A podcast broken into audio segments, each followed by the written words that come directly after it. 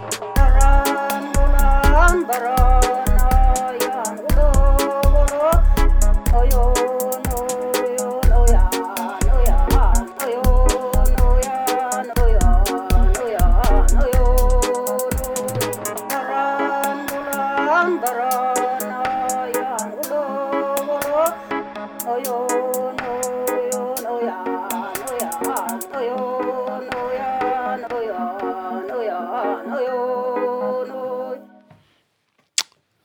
Welcome back, everybody, to the podcast series Circumpolar Music Traditions.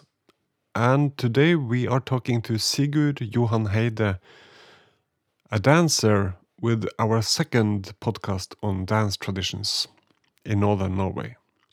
Today we are talking about contemporary practices and uh, Heide and the Kartelle's career as a dance ensemble in society they are working with folk dance, but also they are performing art and uh, tries to negotiate uh, differences and similarities between tradition and art. Uh, what are the artistic qualities and potentials in today's performance practices? Uh, also, the concept of stage is challenged, as we will hear and Kartelle uh, performs their dance settings in innovative environments with a relational aesthetic perspective. Maybe we should uh, also have uh, your comments on your own career or and uh, and, and making uh, what we could call art uh, out of folk tradition. Mm. Yes, for me the art is in the folk tradition. Mm. And this is uh, maybe a little bit um, a rebel uh, uh, opinion from mine, but um, uh, when does art? When when can we call something art? And I think the, with the with the traditional music and with the traditional dance, the art can the art can blossom or the art can the art can happen at any time. So uh, for me, it's uh, when I dance, uh, for instance, a Rhinelander or a waltz, the art can happen uh, on the dance floor in a social setting uh, because uh, it's this timing between the musician and between the person I dance with, which is when, when everything is fantastic, that's when the art happens. And, and that's maybe the big difference between the, the, the, traditional music and dance and for instance the stage dances that they have to have an opera house. They have to have a stage to make the art but we don't need that. So it has been quite interesting to try to uh, take this aesthetical principle on the stage and maybe change the stage and where we perform instead of changing the dance and the music so that has been really the, the project of dance, the dance company Kartelle, but also uh, myself as a choreographer and dancer. How can we change the surroundings so that they fit to our uh, artistic uh, language of traditional dance and music? So, for instance, in in Kartelle's performances, we have a we have a limit of audience so that uh, every audience feels like a part of the dance and the music. They are often standing or sitting on chairs or participating in the in the dance and the music. And it should be close. The dance and the music should be close, and, and most of the performances we have are acoustic.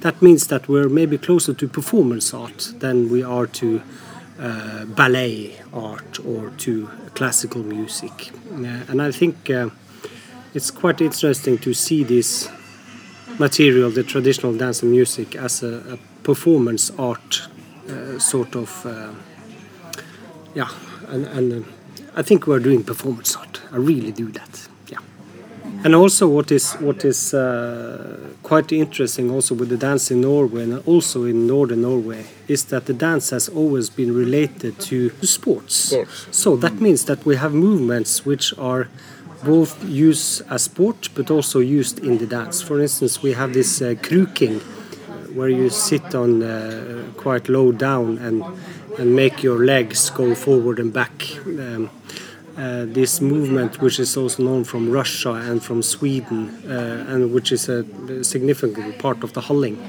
Uh, we know that in the in the yeah, eight nine hundred years ago, the kings, the Norwegian king's uh, uh, general, the man who was leading the army, he, his surname was Krukedans.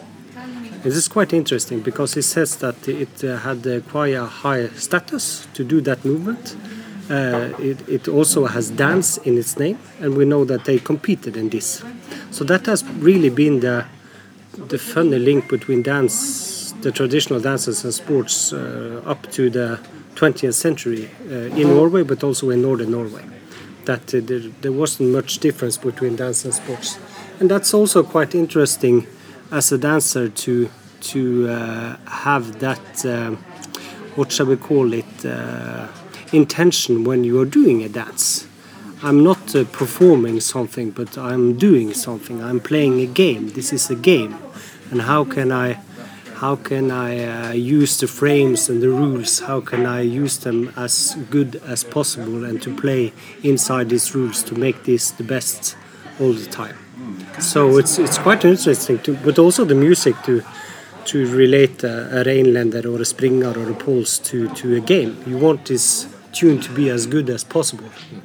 You're not you're not doing folklore. You're not doing, uh, but you're playing inside the material. I think it's uh, it's uh, could also be uh, it, it could also be interesting to to see this as a sort of a jazz improvisation. Also, the jazz musicians, two three jazz musicians playing together, giving each other space, taking space, uh, challenging each other, and I think the same things have happened in the in the dance, in the couple dance, but also in the dance with three and four and so.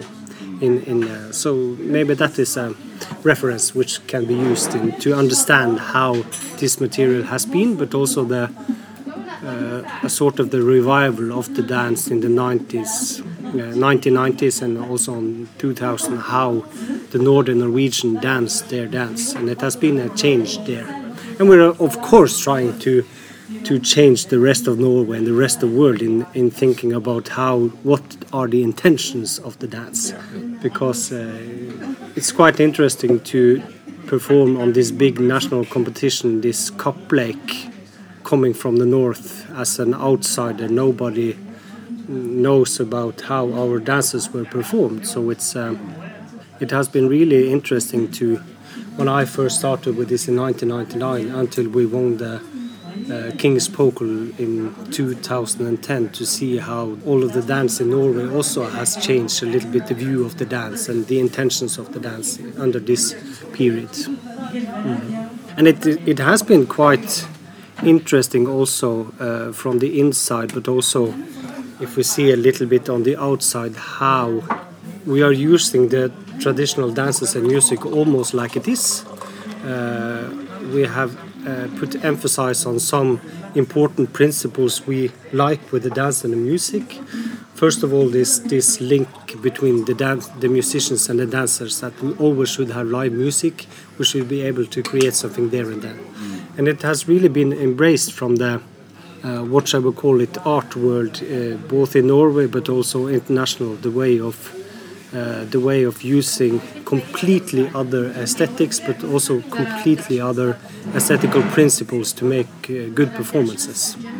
So uh, I think the most fun part I have done was uh, maybe in 2014 when I uh, was asked to be um, make the dance for the dance day in Denmark, also Dansens Dag, which is an international uh, celebrating of the dance. And the Danish people told me that, uh, oh, we want a Norwegian. We want something with folk tradition, and we couldn't find any in Denmark, so we're put, taking a Norwegian. And to then be able to watch that 100,000 Danish people are jumping on their asses was, was really a fantastic moment for me. An old uh, movement from Norway, which uh, looked fabulous in this contemporary dance setting.